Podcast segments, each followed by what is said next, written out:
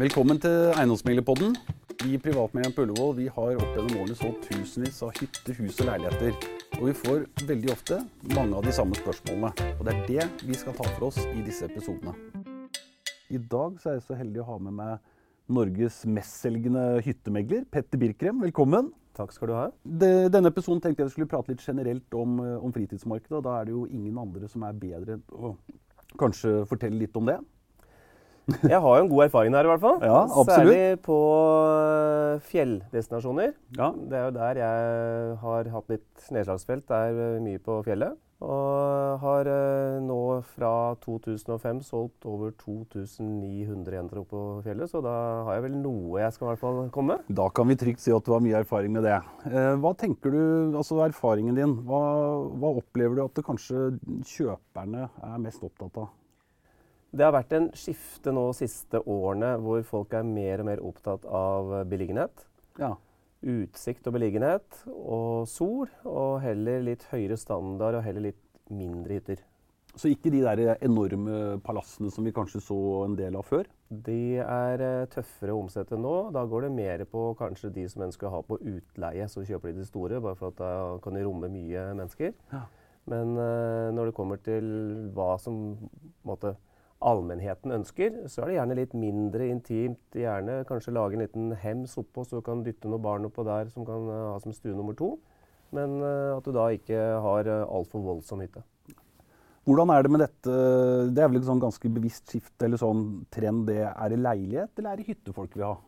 Der har uh, leilighet har kommet absolutt uh, høyt opp siste årene. Uh, og det begynte vel egentlig sånn for en ti år tilbake. Så begynte folk å se mye på leiligheter. Så leilighet i dag, for veldig mange som er aktive og ikke har tid til å ha vedlikehold, så syns de at det er helt topp. Men så er det da også de som ønsker å ha hytte, som ønsker å kunne ha alle fire veggene for seg selv og kunne gå rundt hytta og lage ja, påskerebus rundt hytta si og sånne ting. Ja.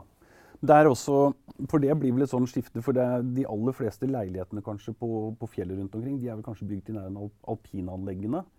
Og så har du hyttene som kanskje ligger litt på utsida, eller? Ja, det er riktig. De som eh, kjøper hytte som ikke har tilknytta noen store, store fasiliteter som alpint eller sykkelstier og sånne ting, de er som regel hytter. Ja. Mens der det er på en måte litt trangt om plassen, altså der det er populært, eh, der er det vel så poppis med leilighet om dagen. ja. Er det også veldig sånn bevisst, syns du, eller er folk opptatt av Du har noen som bare skal stå på langrenn, og noen som bare skal stå på alpint?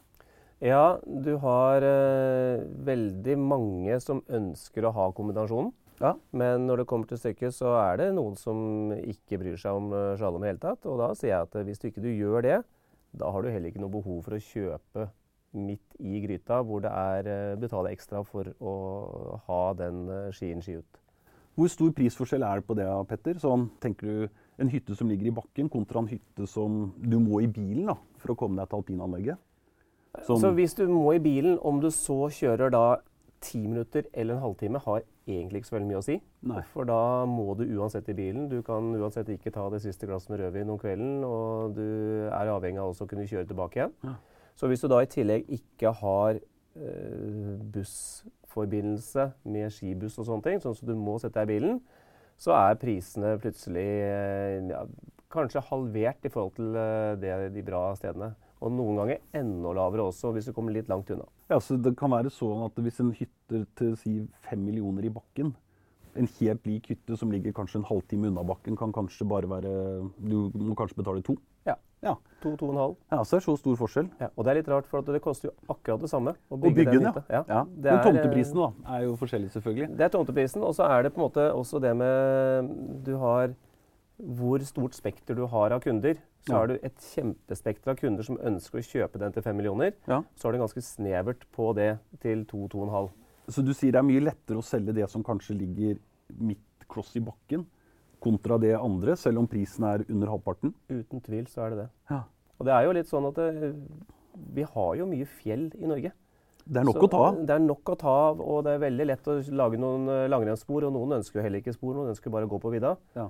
Og da har du på en måte mye å velge mellom. Mens skal du ha de der populære destinasjonene som har eh, de store fasilitetene som mange vil ha, Da er det mye mer snevert. For dere som hører på og kanskje ikke kjenner Petter fra før av, så er jo du Trysil's store eiendomsmegler. Selger over 200 enheter der i året. Uh, Trysil har kanskje blant, som en del andre destinasjoner vært flinke til å ikke bare fokusere på vinteraktiviteter. Der har det vel skjedd en del? Der har det skjedd ganske mye. Uh, Trysil er eid av Skistar. altså Alpinbakkene er eid av Skistar. Og før så var, hadde de fokus kun på slalåm. Men så er det sånn at Skistar leier også ut leiligheter og hytter. Ja, De har vel hotell der òg? Og de har to hoteller. Ja. Som gjør at nå er de opptatt av også å kunne få mer fokus på sommer. Og det har de da gjort i form av at de sammen med egentlig hele næringslivet i Trysil det er stort sett alle som er i Trysil som har næringsliv, de blir medlem av Destinasjon Trysil, som er med og betaler en viss prosent av omsetningen sin til en, uh, et selskap som bygger opp sommeraktiviteter i tillegg. Og der er det veldig mye satsing på stisykling. Så de skal jo bli eh, Nord-Europas destin altså destinasjon for stisykling. Såpass, ja. Satset 25 millioner hittil og skal eh, investere omtrent det samme framover. Det har blitt kjempebra. Veldig populært. I tillegg så har du jo du har klatrepark der, du har uh, golfbane der som er veldig bra. Og du har tidlig langrennsspor med lysløype som det lagres da snø fra året før som legges ut. Så du har alle de andre tingene også i tillegg. Ja, for det er kanskje noe man ser rundt omkring på, på disse høyfjellene. ikke sant? De populære stedene sånn som Geilo, Trysil, Hemsedal, Norefjell. De må jo kanskje gjøre noen grep ja. uh, for å For før så var det jo kanskje sånn at du låste jo av hytta uh, etter påsken, og så kom du tilbake til høstferien. Mm. Men det er jo tydelig at det, det er mer aktivitet da, i fjellet også på sommeren. Men føler du at det har vært med på kanskje å øke interessen og prisene litt? At det er mer eh, å gjøre på en hytte du kjøper på fjellet hele året rundt? Ja, det gjør det. Og det er jo et mye større marked for å bruke hytta mange flere dager på fjellet enn det er ved sjøen. Ja, det tenker jeg også. at det er Kjøper du en hytte ved sjøen, så kan du ikke bruke den på vinteren. Nei. Men kjøper du en hytte på fjellet, så kan du bruke den hele året. Ja, du kan jo bruke den på vinteren også, men det er ganske surt og kaldt. Det er ganske surt og kaldt. Ja. Så det du egentlig sier, er at det er best å kjøpe på fjellet? Uten tvil. Men i tillegg så har du også det med at uh, det er en del som har vært uh, eksponert med fritidsbolig i utlandet før. Som uh, har brent seg litt à la f.eks. Tyrkia. Du ser plutselig så raser boligprisene, og i tillegg så raser valutaen. Altså plutselig så har du bare mista nesten alt du har investert. Ja, Og et litt usikkert regime òg, da. Ja. Og det gjør at nå har det vært mer fokus på det nettopp å investere i fritidsbolig i Norge. Trygt og sikkert. Og når du da skal ha én bolig, da, så er på en måte kanskje fjellet det første du kjøper. Så kanskje du har råd til sjøen i tillegg hvis du har gjort det ekstra godt et år. Ja.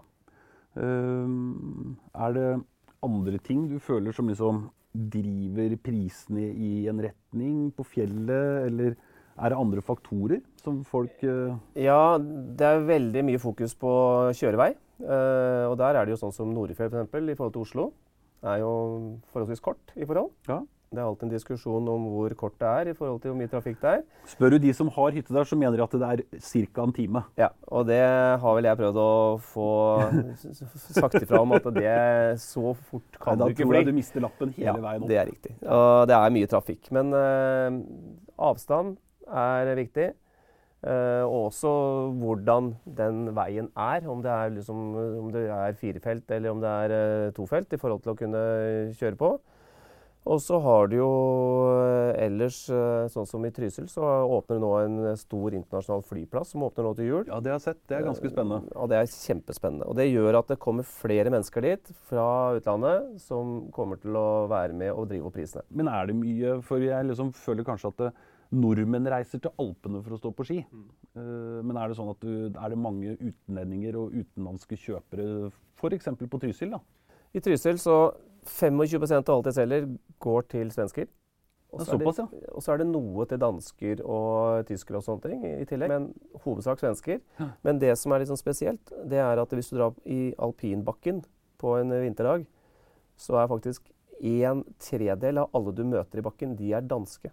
Dansker, ja. Så danske er det veldig mye av. Og det er jo litt uh, rart i forhold til Trysil. Så tenker du at ja, men vi som er nordmenn, ønsker å ta Alpene. Danmark er nesten halvveis ned til Alpene. Ja, det er kanskje kortere? til og med. Ja, og da er det sånn Hvorfor gjør de det? Men det er fordi at de, som de sier, vi, det er ikke noe, For det første er det ikke noe barnevennlig i Alpene. Det er ganske ekstremt. Nei, du skal være ganske god på ski, da. Ja, og i tillegg så, så liker de De liker folkene, som vi sier. De liker naturen, og de liker at det er litt mer sånn hjemmekoselig enn det er i Alpene. Spennende. Er det noen andre faktorer som du mener er avgjørende for en del kjøpere? Jeg bare tenker på Vi har jo sett kanskje Du har vært innom på dette med trenden med leilighet og sånne type ting. Men hvordan er det Du husker jo hvordan det var. Du får jo plutselig en hytta for salg som det ikke er vei inn. Det er ikke strøm, det er ikke vann. Er du noe borti de? Jeg husker at du hadde en hytte hvor du måtte ro over med båt, faktisk. Det er riktig. Jeg fikk en, eh, en øy til salgs. Det er en Trysils egen, eneste øy som eh, var til salgs. Og der er det jo sånn at eh, vår og høst er vanskelig å selge. fordi at på høsten når det begynner å legge seg is, så kommer det ikke over. Ikke kan det gå over. Ja. Uh, og på våren så er det tilsvarende råtten is, så det er farlig å gå over igjen. Så da, det var jo en litt mer sånn sesongbetont. Ja. Når du har, jeg har jo noen hytter til salgs av og til som har på en måte vintervei som eh, ikke fungerer. altså Som da lager skiløype i stedet. Ja. Og da anbefaler jeg gjerne å heller ha utsette det salget til våren og selge mellom vår og høst. Ellers så er jo øh, veldig mye mer og mer nå så er det at folk gjerne vil ha den der muligheten til Komfort, å kjøre. Ja, Ja, fordi, det skal være enkelt. ja, ikke minst det med at øh, vi har blitt så veldig avhengig av å ha tilgang til nett. Ja, ikke sant? Å, Hvis ikke så får du kanskje ikke med deg barna på hytta. ja, og Du får heller ikke med de voksne heller, for de kan ikke jobbe. Nei, Fordi ikke sant? Folk vil gjerne reise opp og ha litt jobb i tillegg på hytta. Mm. Og da er det mm, på en måte en eh, helt klar eh, regel at da må du ha mulighet ja, til ha å tilgang til komme til. Ja.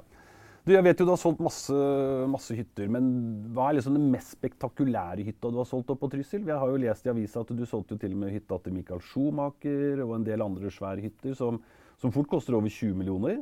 Ja, jeg har hatt uh, den ære å få selge noen av de store, fine hyttene der oppe.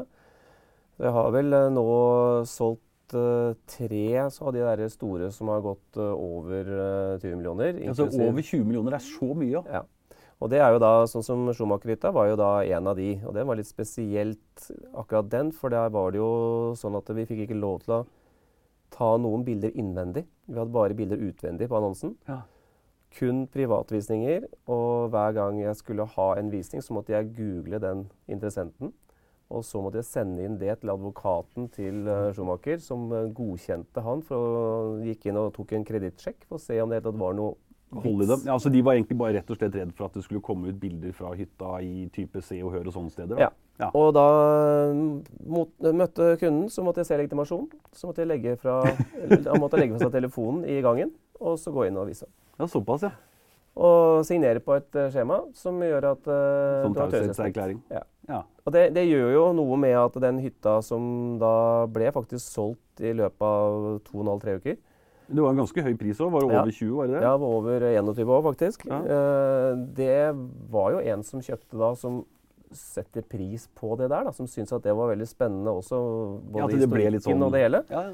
Og um, i dag så står det en Ferrari i garasjen der nå. Det er jo litt morsomt at jeg gjør det. Han er eh, stor Ferrari-fan, han som kjøpte. ja så, så morsomt. Så Ja. morsomt. Så det, det, er, det er litt sånn spesielt akkurat den der. Og det er morsomt å kunne få lov til å få muligheten til å Absolutt, det skjønner ha jeg. sånt.